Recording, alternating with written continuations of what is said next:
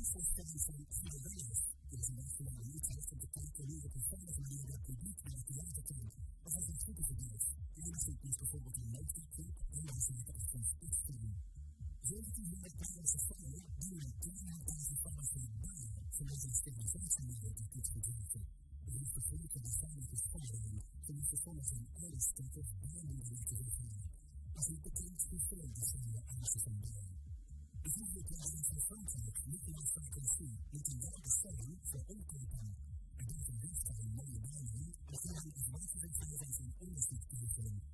toevoeging bewijs van afgelezen telefoongesprekken en de Sarkozy de andere landen gebruiken. En mensen met deze taal Elisabeth van een onderzoeking verbracht. Vaak kwalijke voor een opgenomen als een infectie en wordt er dus een hart gekeken. In een paar zestig van het volgende van de voedseltekort is een paar maanden heel sterk te worden. Onze vriend, zoveel kan te zien, is de lieve vijfjaren als de belangrijke persoon buiten de liefde, met afstand voor en het verdwijnen van zijn liefde. De uitdaging van Hey! Hey!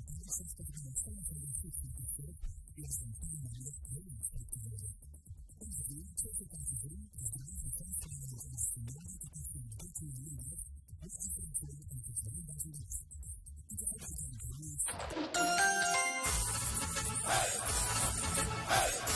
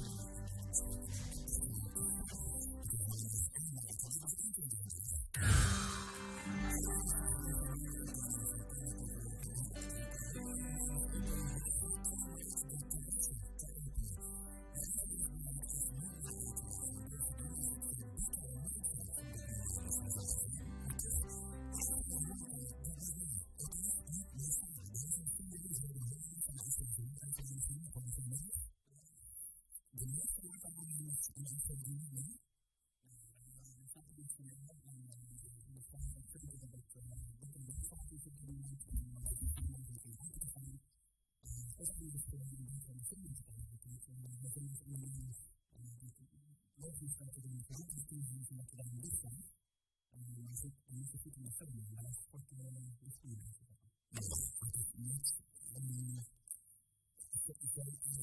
for the media.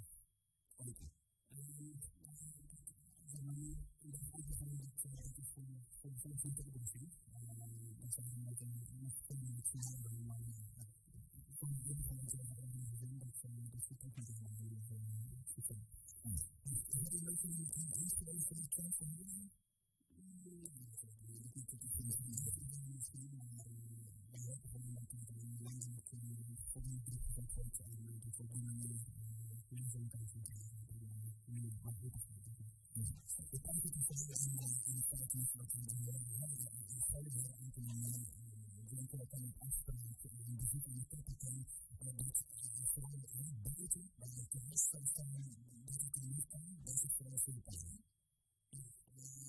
je ziet gewoon dat die literatuur en mensen willen van eigenlijk doen. En er zijn mensen die in een parkje zitten, die denken van ja, die kan in een parkje zitten, die kan ook wel binnen het trust zitten. En dan natuurlijk het ook zegt van nou, als je een trust moet, dan is het gestructureerd. Dan kunnen mensen dat niet eigenlijk doen. Dus iedereen kan er iets kiezen. Ik denk dat iedereen zo'n zin is van zijn open kunnen.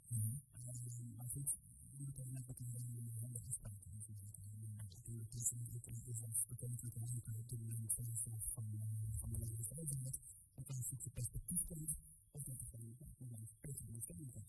And the reason is, in the room, the first time that we have to do something like this, we need to understand that the different people are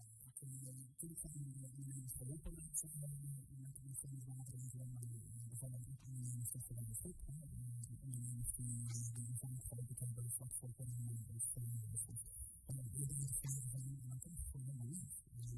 De prijs is als een man die van ieder toevoeging van helemaal niet. En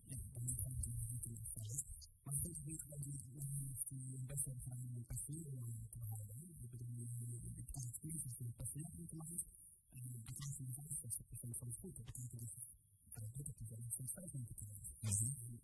Primero se te van a hacer con los ríos, ¿no? que son los que están en la pasada, y es una forma de hacer una cosa de los ojos de los ojos.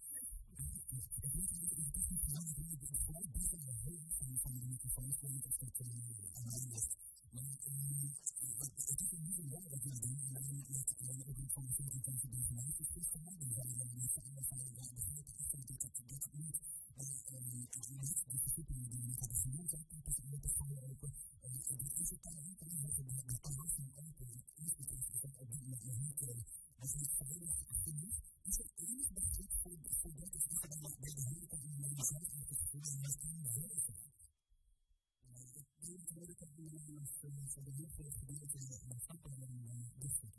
Das ist wirklich viel im Sinne von, wenn man das Wort bei Ethnik vorgenommen hat, wenn man anders das hat man sich angewendet, aber das stimmt ja nicht. Das ist nach Fachbereichen gerichtet. Man ist aber sehr, sehr gut verdacht, in den Anfang der Universität zu kommen.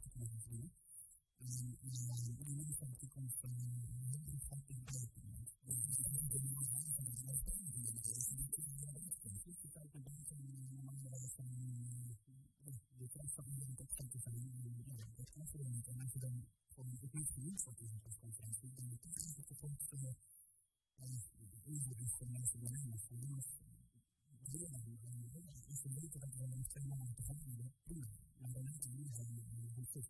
En dat perspectief is het wel niet. En dan het ook niet het spannendste voor van mensen die een perspectief in en dat is ook echt een stemming voor de zaken. En dat is wel dat we het kunnen doen en dat we het van dit is niemand mee.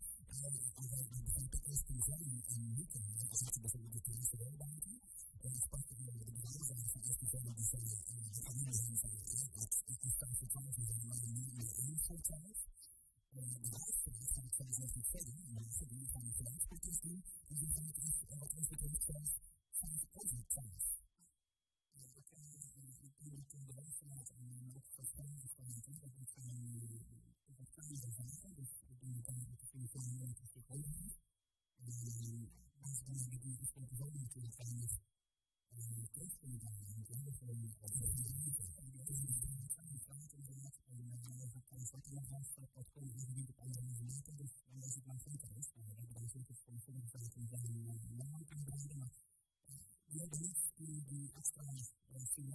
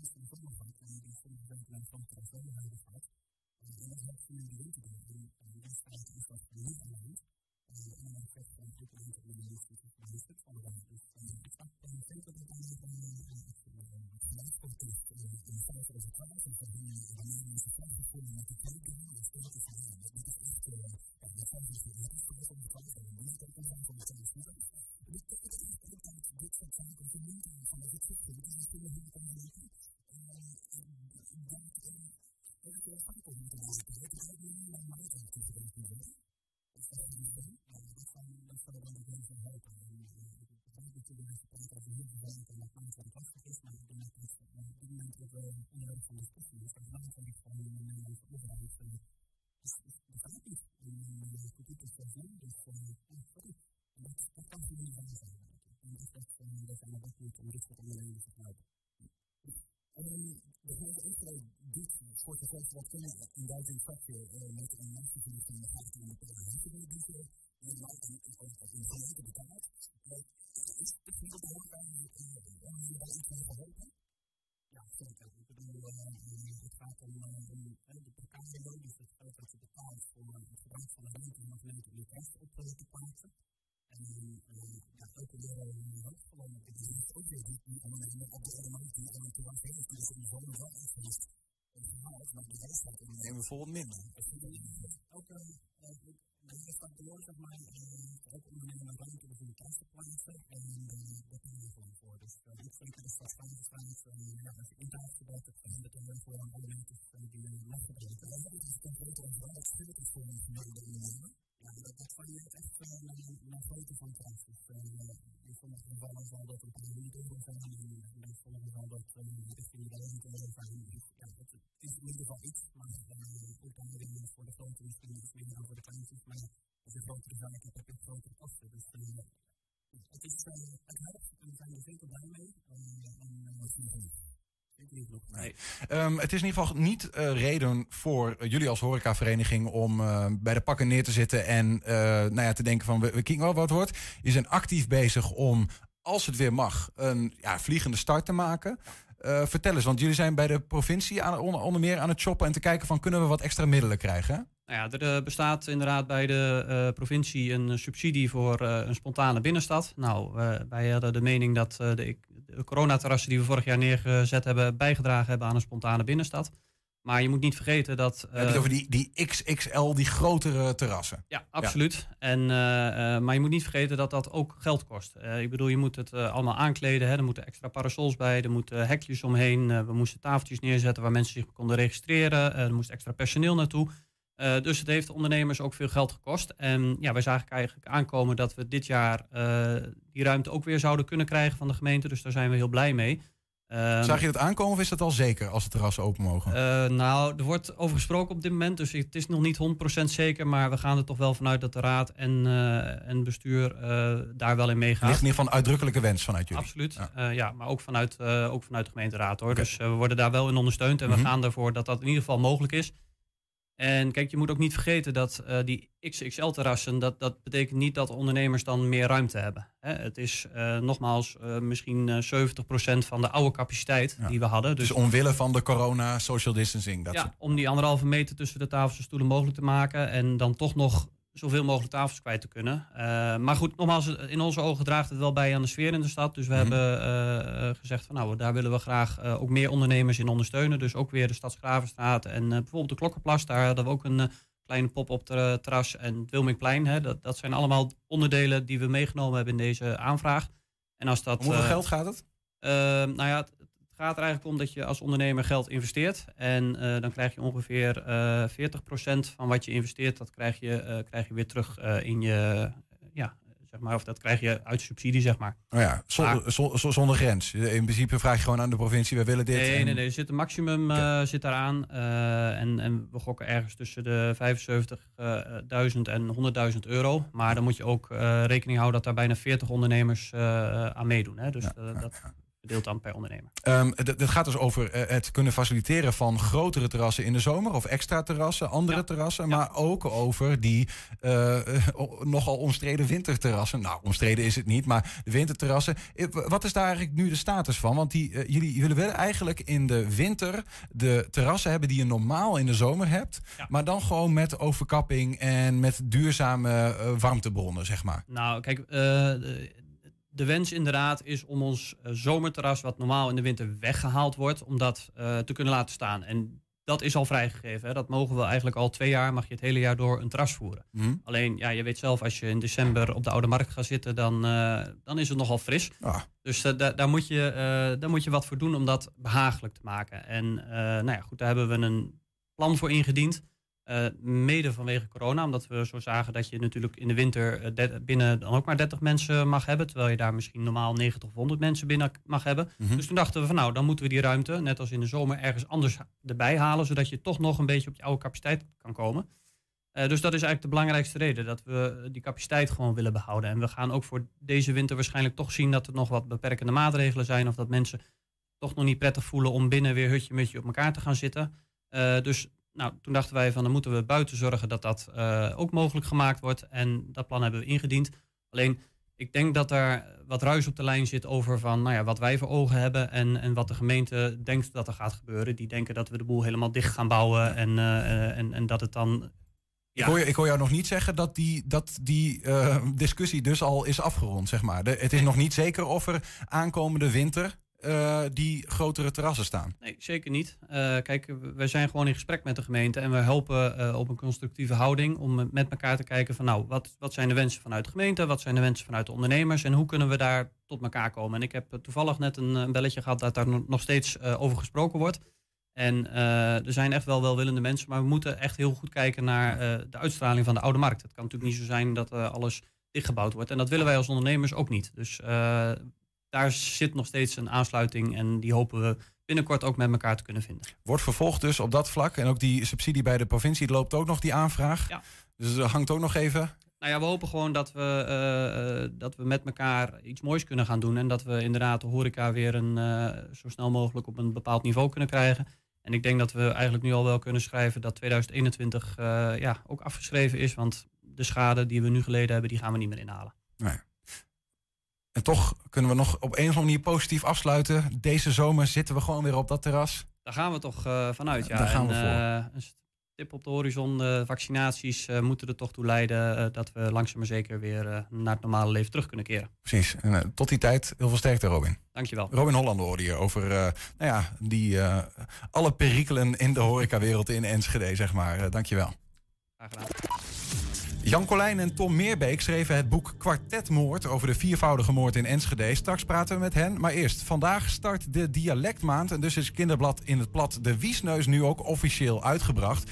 Het thema in het blad is bewegen. Ja, dus wie kon het eerste exemplaar van de editie Overijssel beter in ontvangst nemen dan FC Twente trainer Ron Jans? Ja, en het blad werd hem aangeboden door de 18-jarige Jennifer, voor wie bewegen niet meer zo vanzelfsprekend is als voorheen. Een val van een paard zorgde dat de sportieve meid nu in een rolstoel zit. Ze revalideert bij Droesing, waar ze hard werkt om uiteindelijk weer paard te kunnen rijden.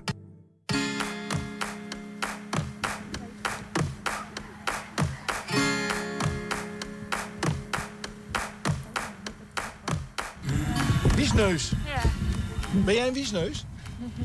Ja. Ben jij een beetje eigenwijs? Ron Jans, een wiesneus. Ben jij een beetje een wiesneus?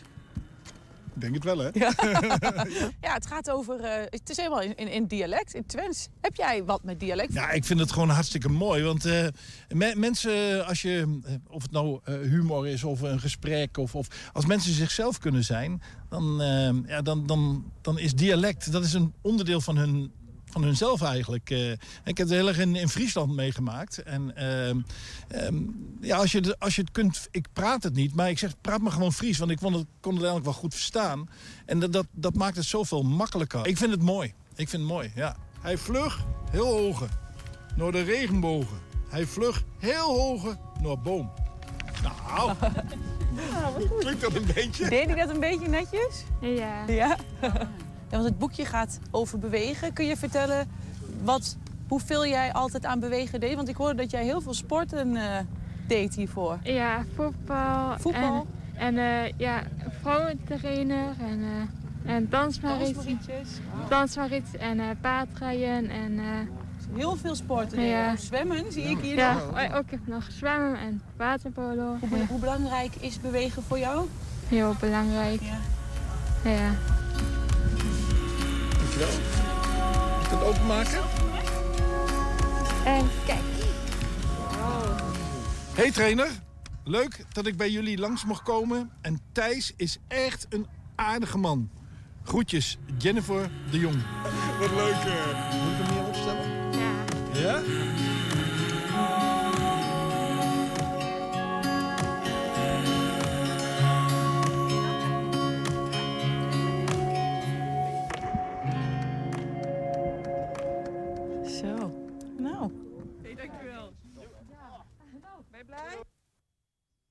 Ja, dan over naar iets heel anders. 13 november 2018, een stapje terug in de tijd. worden er eh, vier mensen vermoord in een grow shop in Enschede. Twente is in shock. Een jaar later worden een vader eh, met zijn twee zoons uh, veroordeeld tot een levenslange celstraf. Journalisten Jan Colijn en Tom Meerbeek die schreven er een boek over dat de toepasselijke naam kwartetmoord kreeg. Jan en Tom, welkom. Dankjewel. Goed dat jullie er zijn. 13 november 2018. Uh, Tom, weet jij nog waar je was toen je het hoorde? Toen ik het hoorde dat er een, in ieder geval een schietincident, want zo werd het toen nog genoemd, uh, was geweest. Toen was ik gewoon thuis. Maar diezelfde avond ben ik gewoon volop direct aan de slag gegaan om te kijken van wat is daar gebeurd. Um, achteraf blijkt zelfs dat ik drie van de slachtoffers die daar op dat moment in dat pand lagen, diezelfde avond al heb geprobeerd te bereiken. Natuurlijk namen ze de telefoon niet op. Je hebt diezelfde avond ze geprobeerd te bereiken omdat je een bepaalde link zag? Omdat ik wilde weten wat er gebeurd was. En een van de slachtoffers was natuurlijk de houder van de grow shop waar de lichamen uh, lagen. Dus daar heb ik al als eerste een nummer bij gezocht en gekeken of die iets wist. Maar ja, die nam natuurlijk niet op. Vervolgens ga je verder zoeken. Kwam je bij de oude grow shop houder en zijn buurman. Maar ook die waren allebei helaas het slachtoffer geworden. Ja. Dus even goed om te duiden. Je bent misdaadverslaggever bij RTV Oost. Vandaar ook die rol dat je daar s'avonds al ja. dicht bovenop zat. Uh, Jan Colijn, hoe geldt dat voor jou? Was, was het ook zo'n moment van ik weet nog wel dat ik, waar ik was? En... Ja, ja, ja. ja ik, ik zat op dat moment gewoon op de redactie. En we kregen een uh, melding binnen van een schietpartij in, uh, in Enschede. Een, een dode. En dan denk je al van, oei, nou, ben dan ben je al gespitst. Maar als je dan twee doden hoort, dan uh, ben je extra gespitst natuurlijk. En ik weet nog dat ik s'avonds uh, thuis was en dat Tom uh, belde van... Ik ben dus even ingedoken, maar er zit een grow shop zit er op, de, op die plek. Een grow shop is een, winkel waar je van alles kunt kopen voor het kweken van wiet. Dus ik zei, nou, dan moeten we nu meteen al een verhaal maken. Gewoon dat er een grow shop in gevestigd was. Want dat zegt al iets over een mogelijke link. Dus ik ben alvast gaan tikken. En we wisten toen ook al dat er, een, een dat er al eens een keer een inval was geweest. En Tom die, die is toen meteen heeft geprobeerd om de mensen te achterhalen. Maar uh, ja, die namen dus, zoals Tom al zei, niet op. Ja. We hebben jullie de, overigens die hele tijd met z'n tweeën opgetrokken in dit verhaal, Jan? Ja, er was eigenlijk uh, de volgende dag werd er ook vanuit de hoofdredactie gezegd van... Uh, ga met z'n tweeën die, die wijk in en uh, kijk wat je boven tafel kunt halen. Ja. Aanvankelijk gingen we ook zonder camera de wijk in, omdat dat natuurlijk ook weer afschrikwekkend, afschrikwekkend kan werken. Um, maar na de eerste dag, toen hadden we al meteen twee, drie, vier verhalen, denk ik. Toen zei de hoofdredactie van, nou, gaan we z'n tweeën die zaak gewoon volgen. Ja. Lag, een, lag een boek dan ook echt in een logische lijn der verwachting? Als je op een gegeven moment zoveel artikelen hebt, heb je die samengebundeld als een dat soort boek? Of is dit helemaal een verkeerde aanname? Mm, dat was misschien wel in eerste instantie even onze simpele aanname. Want we hebben er zoveel verhalen over geschreven. Ik heb over een onderwerp nog nooit zoveel geschreven. Um, uh, laten we het bundelen, kaf erom klaar. Maar toen dachten we, dat, dat is toch te simpel. Toen zijn we na afloop van het strafproces, afgelopen september... zijn we toch weer uh, dieper erop ingedoken en gekeken van... wat kunnen we nog achterhalen? Welke vragen hebben we eigenlijk helemaal geen antwoord gekregen? Bijvoorbeeld... Uh, een van de drie verdachten die kwam al na drie dagen na die moordpartij in, boor, in, in beeld bij de politie. Er zat het DNA van hem op een kogelhuls. En eigenlijk niemand had zich tot dat toe afgevraagd... waarom zat zijn DNA in die databank? Hoe ontstond die match zo snel? Dus daar zijn we uh, op zoek gegaan naar uh, het antwoord. Dat is ook in die, in die hele rechtszaak, is dat wat jullie betreft niet, weinig besproken? Is niet besproken. Ah. en toch wil je dat eigenlijk weten. Hè? Stond ook niet in een dossier. We moesten dat er gewoon, ja. aanvullend moesten we dat... Ja, het stond ook niet in het politiedossier. Dus toen dachten we, uh, we gaan zelf op zoek. Ja. En het blijkt dus dat het uh, DNA van deze uh, oudste zoon in de databank zat... omdat hij in 2010 zijn toenmalige vriendin heeft geslagen. Is hij in eerste instantie nog uh, voor vrijgesproken... door de rechtbank hier in Almelo. Maar later uh, in hoger beroep toch voor veroordeeld. En is zijn DNA in die databank blijven zitten. Dus wat dat betreft kun je zeggen dat dat hem uh, de das om heeft gedaan. De hele familie eigenlijk. Ja, hij, is, hij is wel, dus met, met die DNA-match is hij uiteindelijk ook opgespoord. Konden ze ja. snel bij hem zijn? Konden ze snel bij hem zijn. En is vervolgens het hele politieapparaat uitgebreid. En uh, met, met, met, tap, met taps, dus afgeluisterde gesprekken. Met... Um, uh, ja, wat eigenlijk niet. Ze mm -hmm. hebben alles ingezet, de politie, observatieteams, 40 man sterk, ja, om deze ja, drie mannen, uh, een vader en twee zoons, ja, net te laten sluiten. Ja. Misschien nog goed om even aan te vullen. Uh, ze hadden dus wel het DNA-treffer, hadden ze. Maar dat is onvoldoende natuurlijk als bewijs. Want dan kan hij gewoon zeggen, ja, de, ik heb die kogel ooit verkocht. Uh, er was DNA aangetroffen op een huls die was gevonden in de growshop. En vandaar dus wat Tom zegt, is er negen dagen nog aanvullend onderzoek uh, verricht. En, en pikant is natuurlijk wel dat de politie had allerlei aanwijzingen, echt concrete aanwijzingen... dat er eh, eh, misschien wel aanslagen op komst waren eh, richting mensen als vergelding.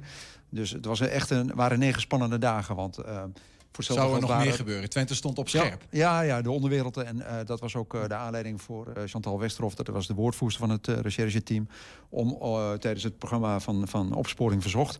eh, om een oproep te doen van hou het hoofd koel en neem niet het recht in eigen hand. Ja, Daar waren ja. ze echt bang voor op dat moment. We, we- we, slaan eigenlijk een, een, een deel misschien in dit gesprek wel een beetje over... omdat ik ergens ook een beetje bang ben om de vraag te stellen. Maar voor de mensen die dit eh, ja, gemist hebben... of het is natuurlijk zo'n enorm verhaal, eh, Tom... maar is het samen te vatten in een notendop? Wat hier nou precies Hm. is gebeurd? Of is dat...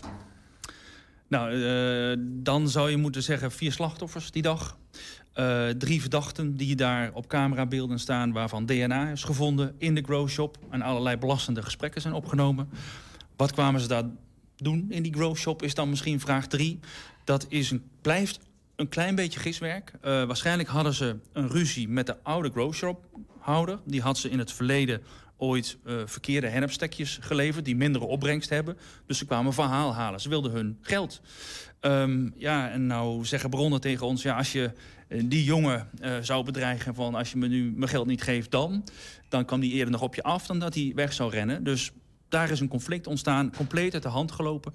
En er waren nog drie mannen in datzelfde pand op die dag. En die zijn als tijd, getuigen plek. uit de weg geruimd, zoiets. Ja, ja, het zal je maar gebeuren, zeg. Ja. Ja.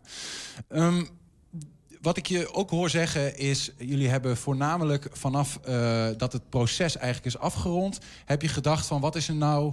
welke open vraagstukken liggen er nog? Toen waren er nog open eindjes, maar eigenlijk vanaf die dag, 13 eh, november 2018, hebben we vol, eh, volle energie gegeven om eh, ja, alle wetenswaardigheden over deze zaak te weten te komen. Alleen er waren dus inderdaad nog steeds open eindjes. Ja, want dan, Jan, ben ik wel benieuwd naar. Hebben jullie dan ook... want die zaak is min of meer gewoon afgerond, toch? Heb je dan ook dingen gevonden waarvan je nu zegt... ja, maar wacht even...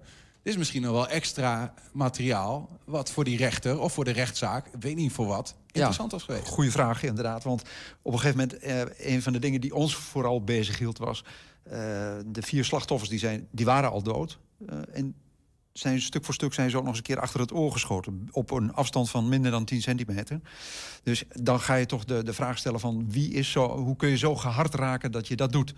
Ehm, daar zijn we door getriggerd, zijn we ingedoken in het verhaal. En bekend was eigenlijk al dat Camille, dat is de vader van, eh, van, van deze twee zonen... eh, die heeft in het Joegoslavische leger gezeten. Daar was hij kapitein, dus in 1992 is hij naar Nederland gevlucht. Naar eigen zeggen omdat hij niet wilde meewerken aan het afslachten van mensen... tijdens de Balkanoorlog. Uh, maar uh, is die man dan misschien uh, op de een of andere manier getraumatiseerd geraakt? Of er waren zelfs ook mensen die zeiden van het, het was een misschien wel gevluchte oorlogsmisdadiger. Mm -hmm. Dus we zijn in zijn verleden gedoken. En ja, toen kwamen we op een gegeven moment kwamen we op het verhaal, stuiten we op het verhaal dat de vader en zijn twee zonen kon je ook inhuren als een soort criminele in, incassoploeg. Die, die, werden, die huurde, kon je inhuren als voor het schimmige incassoklusjes. Dat is een ander verhaal, uh, een, een zijdelings onderzoek in dit hele grote onderzoek. En uh, daar zijn we vervolgens in gedoken. En toen bleek dus dat hij mensen afpersen. En dan zei hij uh, dat hij lid was van een uh, beruchte Servische militie. En dat was Argans Tigers. Dat was een uh, club die stond onder leiding van de meneer Rasnatovic. Die is later ooit nog eens een keer minister, heeft hij het, tot minister heeft hij het geschopt. Zo. Is gedaagd voor het Joegoslavië-tribunaal. Maar voordat hij kon worden aangehouden... Uh, is die eigenlijk ook al geliquideerd. Maar daarvan zei dus deze vader dat hij lid was van deze club. En uh, dan liet, daar pesten die, zette die mensen mee onder druk. En of het een grootspraak was, of dat hij echt lid was van die, van die club. Dat, mm -hmm. dat, ja, dat, Wat was hun positie eigenlijk van deze, van deze vader met zijn, met, met zijn twee zoons... in, het hele, in de Twentse onderwereld? Zijn ze grote namen? Niet, niet echt grote namen. Ze hebben een uh, hennenplantage gehad in uh, Nijverdal. De vader is zijn oudste zoon. En uh, die is opgerold. En daar is waarschijnlijk ook op een gegeven moment een conflict ontstaan... met uh, de mensen van, uh, van de grow shop hier in Enschede. Want die hadden bepaalde hennepstekken geleverd. Die volgens hun niet aan de juiste kwaliteit voldeden. En toen was de boel opgerold. En toen wilden ze toch een soort tegemoetkoming... voor de derving van inkomsten. Dat is het scenario waarschijnlijk ja. waar het een beetje een uit de hand gelopen um, verhaalhaalactie. Ja, daar komt het op neer. Ja, ja. Ze wilden gewoon geld, geld terugzien. En uh, de, de, de man die ze hebben, ehm, die hen de foute had geleverd. Die zei van, ja, hoezo eh, derving van inkomsten?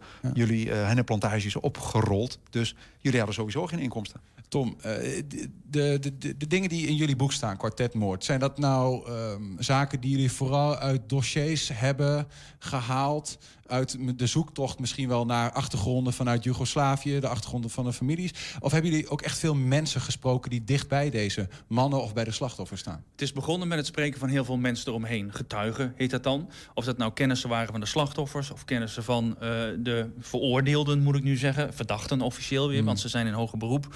Uh, buren, et cetera. Mensen uit de Twentse onderwereld. Die hebben we in eerste instantie allemaal gesproken. Daardoor konden we die verhalen maken. Heel af en toe konden we dat staven met bijvoorbeeld politierapporten waar we de hand op hadden weten te leggen. Maar um, dat is altijd wel fijn, hè? dat je het ook ergens terugziet, zwart-wit op papier. Um, maar voor ons boek hebben we nu ook de beschikking gekregen over het hele politieonderzoek.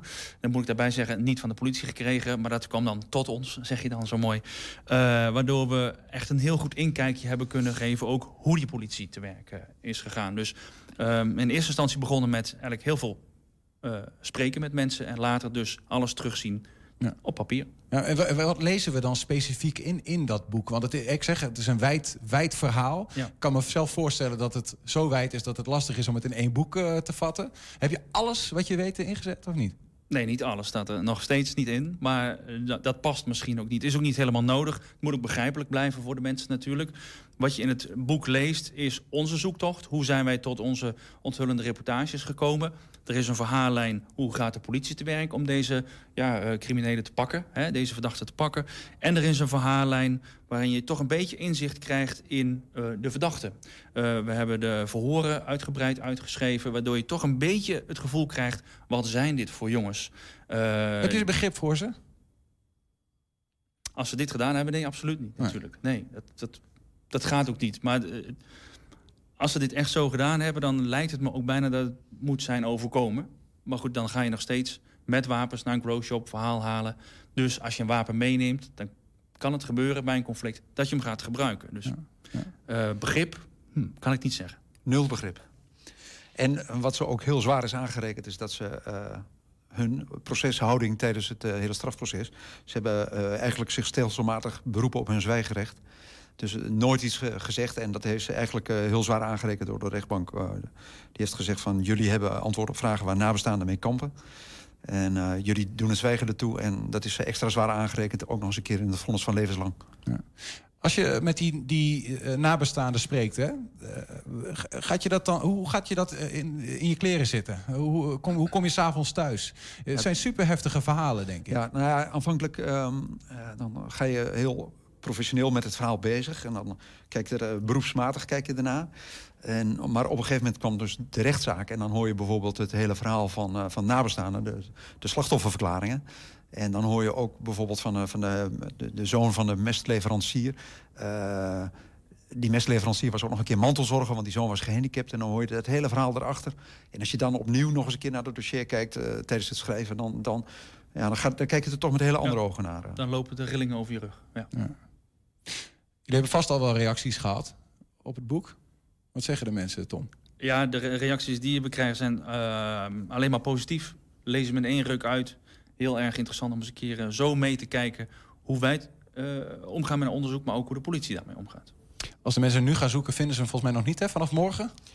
Hij, als je hem al besteld hebt, dan ligt hij al op je deurmat. En Via bol.com is die al te koop, maar wie in deze bange coronatijden de lo lokale uh, boekhandel wil steunen, die kan hem gewoon bestellen natuurlijk. Kijk, dus uh, vanaf uh, nu, slash vanaf morgen in de betere ja. boekhandel, zeggen we dan geloof ja. ik. Hè? Ja, ja. ja. Jan Colijn en Tom Meerbeek, dank jullie wel voor ja, een bijzonder verhaal. Dankjewel. Ja, de documentaire De Waarheid over de vuurwerkramp die afgelopen vrijdag werd uitgezonden, is volgens oud-inspecteur Jan Paalman maar de halve waarheid. Zometeen praten we met hem, maar eerst even iets heel anders. Het klinkt zo vanzelfsprekend een complimentje geven aan iemand. Toch doen we het in praktijk veel te weinig. Om het tijd te keren trok elke er vandaag op uit op Nationale Complimentendag om complimenten uit te delen aan de Enschedeërs. Het is Nationale Complimentendag. Daarom gaan wij vandaag de straat op in Roombeek om mensen complimenten te geven. Wat vindt u haar vandaag leuk? Wat heeft u een mooie blouse aan? Wat heeft u een mooie bril op? Wat heeft u mooie ogen? Dank u. Ja, Dank u. alsjeblieft. Ja, het is vandaag complimentendag, dus we dachten laten we mensen complimentjes geven. Oh, fijn. Jullie Ja, zijn goed bezig. Dank u wel. Wat heeft u mooie schoenen? Dank je. Alsjeblieft. Heeft u toevallig laatst ook nog iemand een compliment gegeven? Gegeven. Ja. Ik geef elke dag mijn vrouw een compliment. Nou, en dat Elke bijvoorbeeld? ochtend. Wat ziet u er mooi uit? Ja. Ja. Altijd. Nee. Nee? Waarom niet?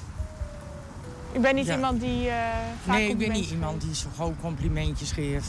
En vandaag dan, op Nationale Complimentendag? Wilt u Ja, dan nu juist wel. wel? Ja? omdat het lekker weer is nou buiten. Ja, klopt. Ben je meer opgewekte? Ja, over het algemeen wel. Over het Ja. algemeen wel. Ja, nou leuk. Kunt u nog complimenten herinneren die u laatst heeft gegeven? Nou, aan jullie. Ja, dat, dat klopt. Daar heeft u gelijk in. Wat ziet u er goed uit vandaag?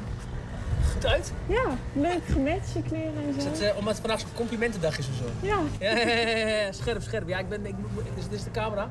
Hey, dankjewel, dankjewel mevrouw. Super erg bedankt voor je compliment. Maar ik vind dat hij er nog beter uitziet. Dat is mijn Ja, collega eh, er Ronald wel mooi Wikkeling. Wat wel goed, goed is om te weten, mevrouw. Ehm, camera. Deze jongeman zoekt nog een vriendin. Dus eh, als je misschien even zijn hele outfit kan laten zien. Hij ziet er echt goed uit vandaag. Ik ben echt heel trots op hem. Dus wellicht, als er nog een meisje beschikbaar is, stuur even een mailtje naar, naar, naar- jou dan in dit geval. En dan wellicht kunnen we iets voor elkaar regelen. Een mooi- leuke match. Wanneer heeft u voor het laatst een complimentje gegeven? Zou ik niet weten. Nee? Wat is dan... We doen het te weinig, hè? Ja, we doen het absoluut te weinig. Zeker. Maar door deze actie ben ik misschien tot... eh, heb ik denk ik verder na en geef eerder complimentjes. Mooi. Niels, mooie, mo- mooie, mooie reportage. Wat heb jij mooie ogen. Dankjewel. Dankjewel. Hè, hè, We gaan het hebben over de waarheid. Althans, zo luidt de titel van de documentaire over de vuurwerkramp van eh, Pieter Fleury, die afgelopen vrijdagavond werd uitgezonden. Fleury laat in die docu bestuurlijk en ambtelijk verantwoordelijke en onderzoekers eh, aan het woord. En toenmalig hoofdofficier van Justitie, Roelof Jan Manschot, ook over de rol van het OM of de politie. En dus degene die het strafonderzoek uiteindelijk deden.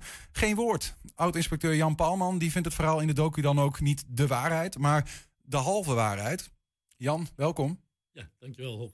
Goedemiddag. Voordat we met elkaar gaan praten, eerst even een kijkje naar eh, de trailer van de documentaire De Waarheid. De brandweer heeft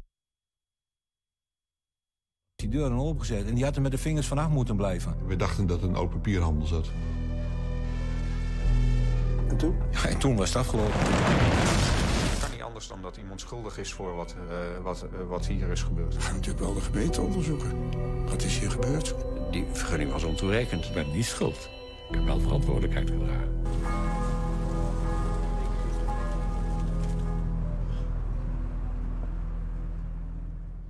Ja, dus, eh, dus die, die promo voor die documentaire. Bij ons aan tafel nogmaals uh, oud-rechercheur Jan Paalman. Welkom. Misschien moeten we daar, Jan, uh, even bij beginnen voor degenen die dat, die dat niet weten, om het wat te kaderen. Wat was jouw positie in dit hele verhaal van de vuurwerkramp?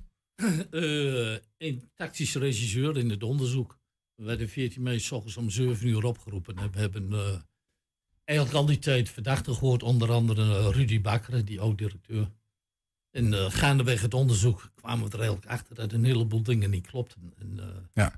Vandaar dat ik alles uh, ook thuis in mijn eigen journaal heb bijgehouden, want daar zijn die dus niet goed. Ja, je hebt niet alleen de rapporten die officieel die, die ingeleverd werden, maar ook voor jezelf een boekhouding bijgehouden van wat. Precies, ja. Dus eigenlijk kort gezegd, op de, op de vloer heb je mensen die onderzoeken van wat is hier nou gebeurd. En jij was een van hen. Ja. ja, ja. Lid van het Tolteam. Tolteam. Ja.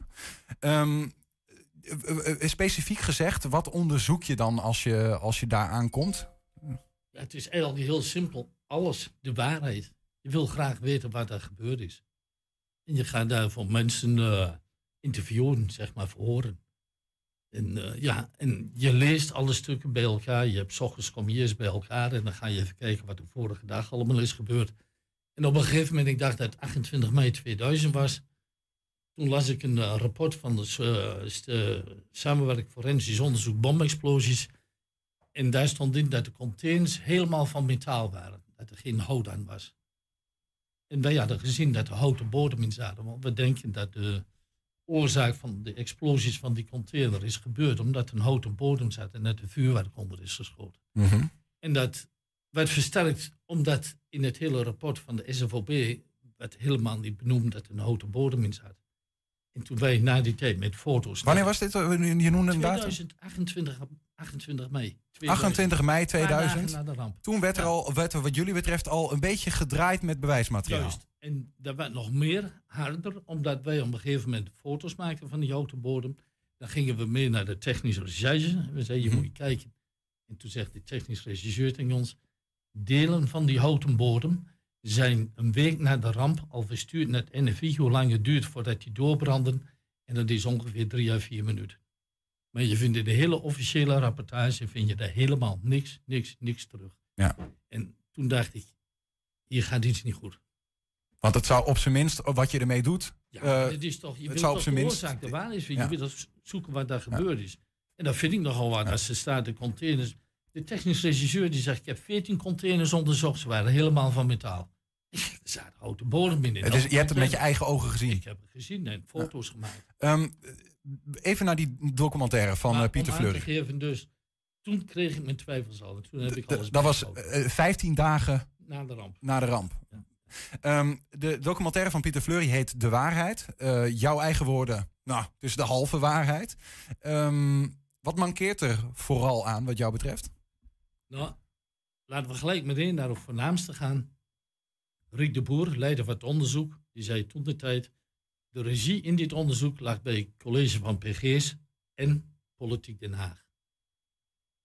En dat werd nu door eh Manschot, werd het bevestigd, die zegt... ja, we wilden de gemeente graag vervolgen, de overheid. Mhm. Maar dat mocht niet, want de wijkjesloten, toenmalig procureur-generaal...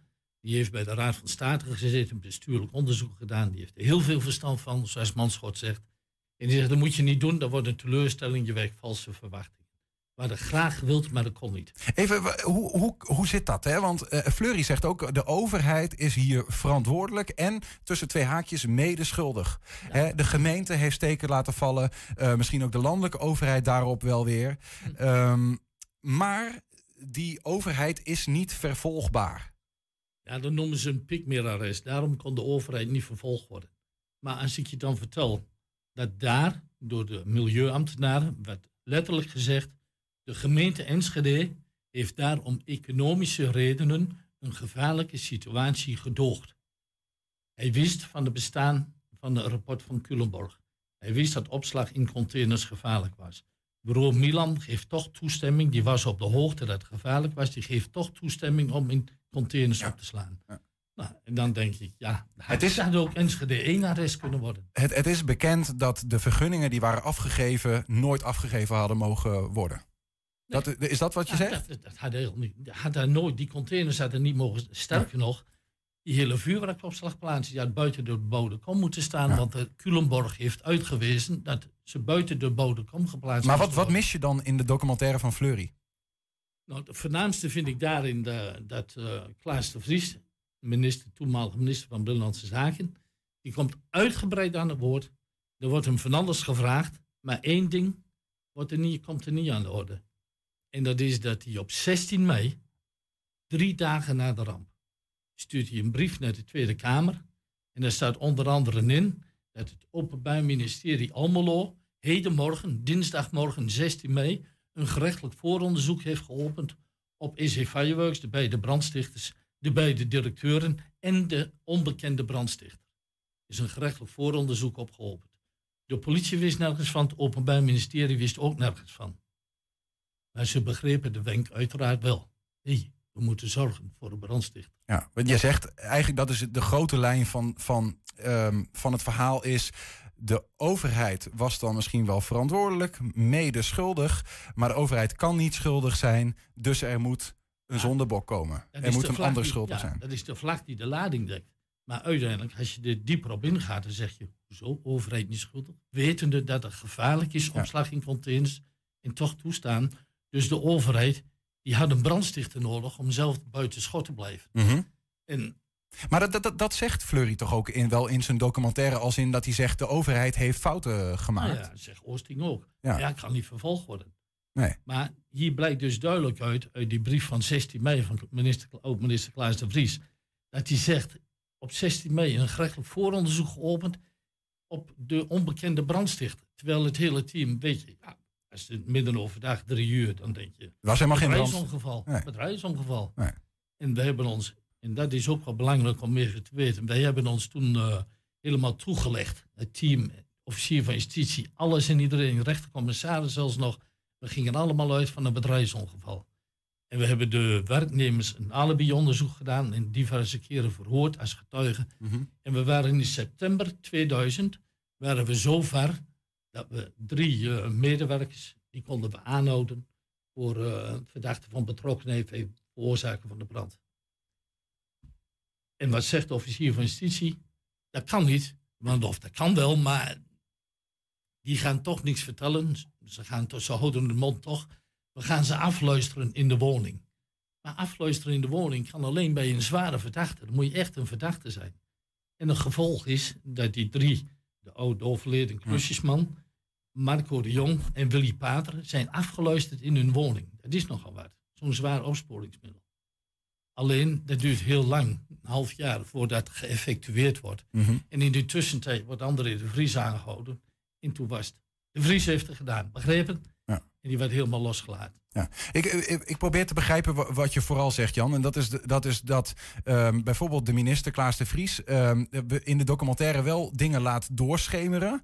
Van hè, we zijn afgestapt van het verhaal wat het eigenlijk eh, misschien wel was, wat jij hebt, hebt onderzocht. We zijn naar een ander verhaal gegaan. Eh, maar dat Fleury daar te weinig over heeft doorgeprikt. Is dat wat je. Ja, Fleury weet precies. Hij is een hele middag bij me thuis geweest. Ik heb hem alles verteld. Hoe komt dat, denk je? Hoe komt het dat hij in die documentaire dat niet heeft, daar niet in is doorgegaan? Nou, ik kan je één ding vertellen. Hij heeft een eh, documentaire gemaakt in Noord-Korea. We weten het regime in Noord-Korea hoe dat werkt.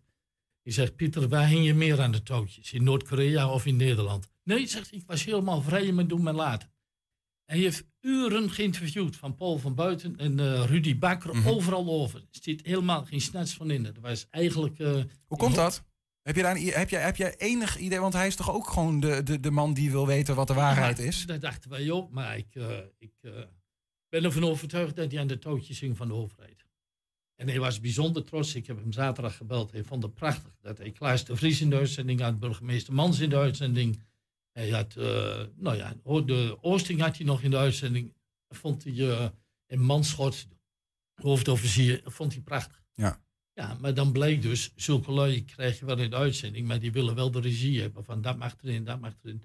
Er is, ik weet niet hoeveel gefilmd en, geïnterviewd en dat is allemaal aan de kant gegooid. Zo moest het. En, nou, wat zie je dus? Eigenlijk een magere aanspiegeling dat eh, Den Haag, die trapt naar Enschede en Enschede trapt naar Den Haag. Mhm. Dat is eigenlijk wat er eh, vrijdagavond aan de orde kwam. En de details die juist de zaak bepalen, dat is gewoon doodzonde. En ik vind dat de inwoners in Enschede hebben er recht op om te weten wat daar gebeurd is. Want als je zo'n traumatische ervaring hebt meegemaakt, dat is maar één ding, je moet weten wat er gebeurd is, dan kun je ook verwerken. Als je niet weet wat er gebeurd is, hoe kun je dan verwerken?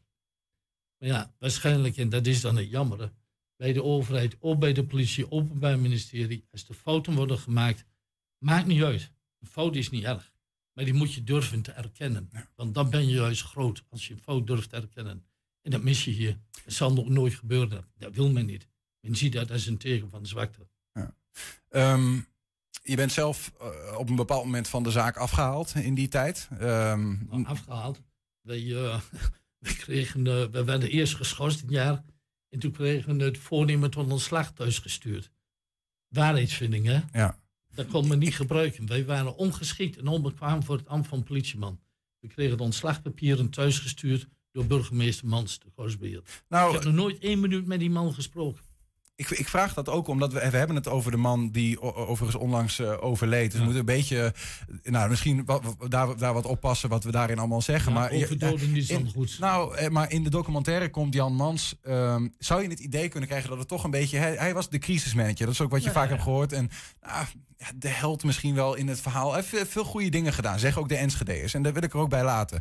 Maar de waar, werkelijkheid is ook dat er ehm, ambtenaren zijn ontslagen die met die vergunningen van doen hadden. Hè? Ehm, milieuambtenaren nog altijd nu ook nog eh, stuk zijn van de hele situatie. Die met die vergunningen van doen hadden. Die zich dat aanrekenen. We, eh, hè?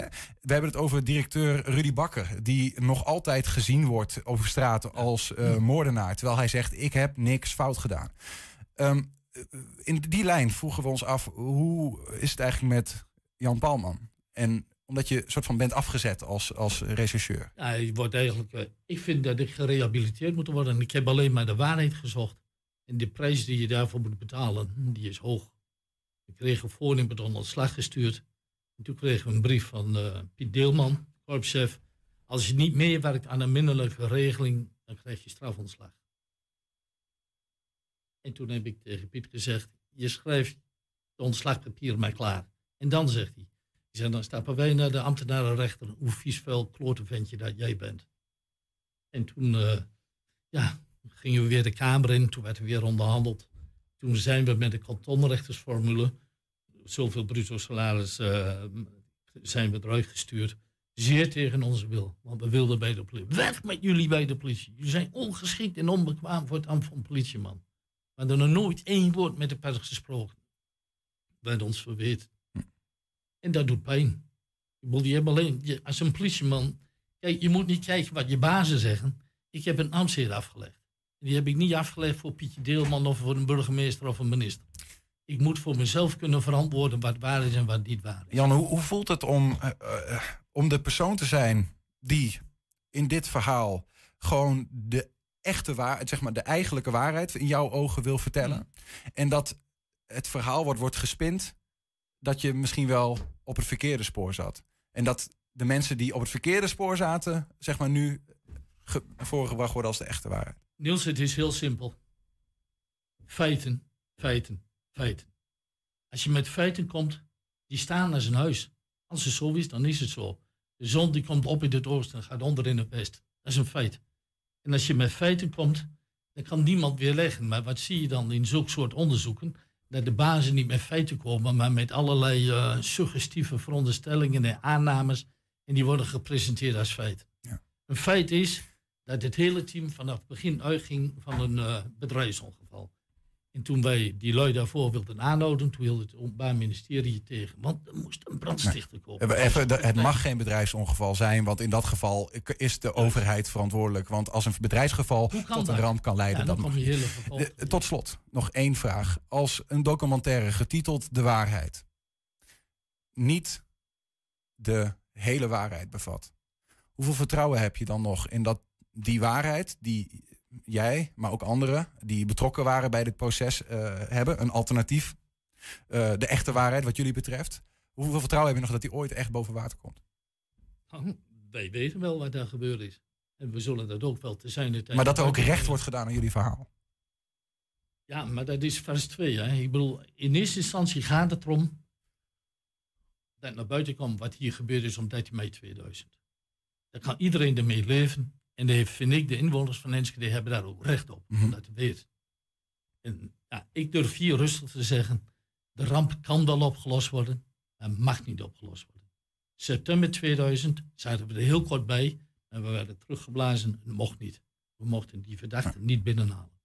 In ieder geval heb je hier weer eh, gelegenheid gehad om, om eh, jullie kant van het verhaal te vertellen. En, eh, Mijn dank. Ja, nou, dank daarvoor. Oud-inspecteur Jan Palman hoorde je. Dank je wel. En nou ja, nogmaals, sterkte met alles wat er speelt. Er zijn belangrijke dingen in het leven als de vuurwerkramp. Nou. Ik bedoel, wij getrouwd, kleinkinderen, ik ga ermee fietsen. Ik bedoel, je moet zorgen. Er is een leven na. Juist, als je met zulke dingen begint, dan moet je uitkijken dat je jezelf niet naar de kloten helpt. Nee, heel goed. Mooie positieve boodschap om mee af te sluiten. Dankjewel Jan. Ja. Ja, we zitten in de laatste week van februari muziekmaand. Inmiddels in maart, dat is ook wel even leuk. Van cultuurcoach Jacinta Blom. We zagen de afgelopen drie weken video's voorbij komen over warmte, over moedertaal, over Valentijnsdag. En deze keer was het het allerlaatste onderwerp was aan de beurt. En gingen Enschedeze verenigingen aan de slag met het onderwerp wit. gevonden in het thema wit. eh, Nights in White Satin van de Moody Blues. 1, 2, 3. 1, 2, 3.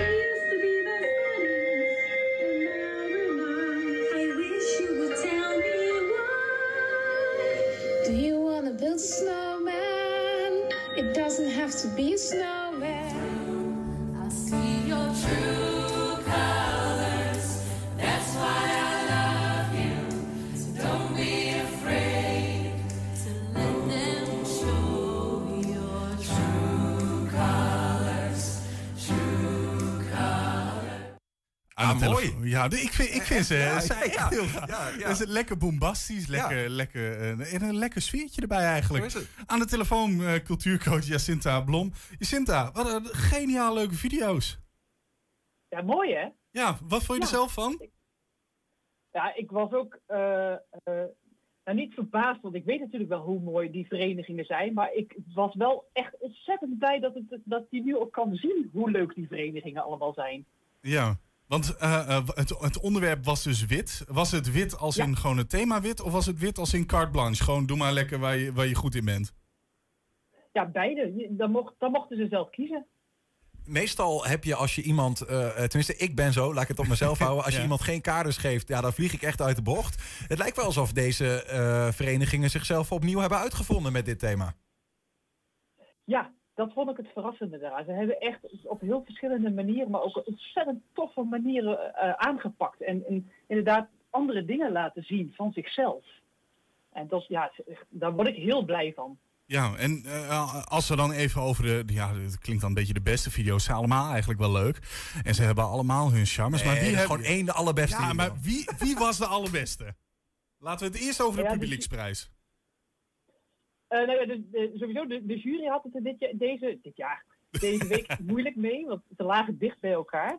Maar er zijn inderdaad wel weer twee prijzen uitgereikt vandaag. Ehm, en je, je wilde beginnen met de publieksprijs, als ik het je goed hoorde. Ja. Ehm, nou ja, dat is geworden eh, Music All.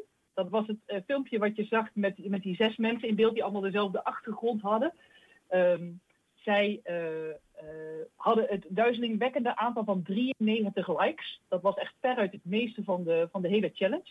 Dus daarmee hebben zij de publieksprijs eh van Ja. afgelopen weken eh, gewonnen. Die, die zongen, die zo'n, eh, hoe heet dat, dat liedje van Frozen? Ja. Oké, oké. En, en de juryprijs? De juryprijs, nou wat ik net al zei, de, de- de- waren echt hoogstaande filmpjes deze week. Dus de jury had het best wel even moeilijk mee. Ehm, maar uiteindelijk is de winnaar geworden Show and Marching Band EVC. Hebben die Dus niet al eerder gewonnen? trommels. Ja, die, hebben die al eerder, eerder prijzen, of eerder ook punten gepakt, toch, Jacinta? Ja, dat klopt. Die hebben in de allereerste week de publieksprijs gewonnen. dus, dus die hebben nu de publieksprijs en de juryprijs een keer gewonnen. Ja, klopt. Nou, kijk eens aan. Mhm. Ehm, nu even, ik wil heel even kort nog wat over die thema's. Want eh, eh, eh, als we nu even kijken naar de onderwerpen. Dan heb je warmte, Mhm. je hebt moedertaal, je hebt Valentijnsdag en, en je hebt wit. Mhm. Er is één odd one in de groep, vind ik. Hoe, hoe, hoezo heb je voor wit gekozen? ja, ik moest dat natuurlijk wel ergens de thema's bedenken. En ik heb gekeken naar wat er in die weken allemaal aan landelijke dagen waren. Nou, dat is Ideeën waren toch niet op, hè? Sorry? Ideeën waren toch niet op, hè? nee, altijd genoeg ideeën. Maar eh, het, het was de, de dag van de ijsbeer, dus ik vond het wel dit een mooi thema. Oké, oké. Is het nou ook zo, want eh, je zei al, hè, het niveau lag in die laatste ronde hoog. Eh, soms komt dat dan ook omdat er meer was om uit te kiezen. Eh, eh, hoeveel eh, verenigingen hebben er meegedaan in die laatste ronde? In die laatste ronde hebben er acht verenigingen meegedaan. Oké, dus de, de- dat is niet eens per se meer dan de eerdere keren. Maar die, hoe, hoe komt het dan dat ze dit keer, zeg maar... eh, Of is dat te- misschien is dat te veel aangenomen hoor, maar dat, dat het niveau wat hoger lag? Ehm, ja, dat is moeilijk te zeggen. Misschien dat, want er zijn meerdere verenigingen die ook meerdere weken hebben meegedaan. Dus misschien dat ze gewoon aldoende elke keer eh, weer een beetje verder gingen, een beetje meer konden nadenken over wat, eh, wat ze konden doen. En dat daardoor het niveau gestegen is. Dat zou kunnen. Misschien was het het mooie weer buiten weer, waardoor ze wat meer energie weer kregen. Ja, je weet het niet precies. En eh, eh, als jij nou terugkijkt, je hebt dus eh, vier onderwerpen gehad in, in zo Mhm. goed als een maand.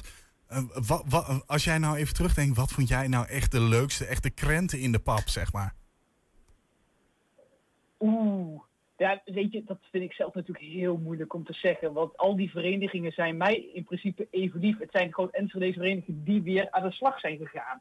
Ehm, maar ik vond het, ik vond het ehm, echt het verschil in al die verschillende soorten filmpjes en foto's. Ja. Dat vond ik gewoon heel mooi. Dat gewoon echt die rijkwijde van, van al die ideeën. Eh, het was ook bijvoorbeeld deze week, en die zag je nu niet in het filmpje, was een foto eh, van een, eh, volgens mij nog vrij jong meisje van Symfonia Jong Twente. Mhm. Die een foto van haar witte konijn had ingestuurd. nou, dat, daar, word ik ook, daar smelt ik. Van. Ehm, ook van, van dat soort dingen. Ik denk, ja, dat, dat, dat kan ook allemaal. Iedereen kan op zijn eigen manier met zo'n thema omgaan. En Eh, dan heb je dus volgende week kom je dus in een soort finale week terecht. Dan is echt de, de, de afsluit, de, de grote afsluiting van, eh, van dit project. Hoe, hoe gaat dat er ook weer uitzien, even in het kort?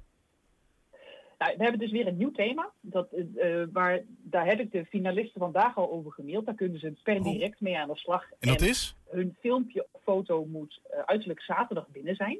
Het thema is paars. En dat thema komt omdat wij het, ehm, de naam Februari Muziekmaand dus ge- geleend hebben van wat ooit Februari Muziekmaand was. En die hadden als kleur altijd paars. Dus daar hebben we nu als eerbetoon eigenlijk aan Februari Muziekmaand, wat ooit was, eh, gebruiken we die kleur. Ja. En eh, nou, in principe is het verder hetzelfde. Dus er zijn nu zeven finalisten. Die mogen deze week een filmpje of een foto maken. Dat kan tot en met zaterdag. Ja. En dan eh, gaat de jury zich daarover buigen. En komende maandag, dat is precies over een week, ehm, wordt de, worden de winnaars bekend. En dan wel bij jullie in de uitzending. Oké, oké. Dus volgende week spreken we jou niet, maar spreken we de winnaars hier in de uitzending.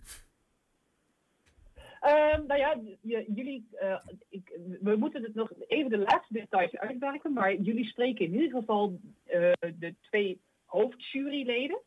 En die komen in, bij jullie in de uitzending de winnaars bekendmaken. Eh, Jacinta, de, de hashtag, waar kunnen we ze op vinden deze week? De finale filmpjes die worden gedeeld. Ehm, als je op Facebook eh, zoekt op hashtag cultuurcoach Enschede of hashtag februari muziekmaand, dan zul je de filmpjes vinden. Heel goed, ga dat even doen en dan kun je de finale filmpjes zien. En kun je ze ook eh, liken als je ze leuk vindt. En dan eh, help je ze ook aan die uiteindelijke publieksprijs. Cultuurcoach eh, Jacinta Blom, mag ik jou heel erg bedanken en succes met die laatste week. Eh, bedankt en, en, en eh, even complimenten voor jullie eh, leuke uitzending. Nou, kijk eens aan. Weer complimenten. Je begint er bijna mee en je sluit met Het is complimentendag, hè? Dus Het is wat dat betreft, dankjewel Jacinta. Jullie ook eh, veel goed gedaan met die hele cu- cultuuractie... om de amateurverenigingen wat leven in te blazen. Dankjewel. Dank je. Ja, en tot zover sluiten wij een complimenteuze aflevering van 120 vandaag af. Eh, je kan het direct terugvinden via 120.nl en vanavond om 8 en 10 uur live op televisie te zien. Niels, mag ik jou heel erg bedanken? Zeker, zometeen hier Henk Ketting met een nieuwe kettingreactie. Veel plezier. 120. Weet wat er speelt in Twente. Nu, het ANP-nieuws. Goedemiddag, ik ben Ronald Remmelswaan. Er is niemand besmet geraakt bij de proefvoorstelling van Guido Weijers. Die was een week geleden in Utrecht om te kijken hoe er op een veilige manier weer publiek naar het theater kan. Dat was in groepen verdeeld. De ene groep moest bijvoorbeeld een mondkapje op, anderen zaten achter een spatscherm. 1700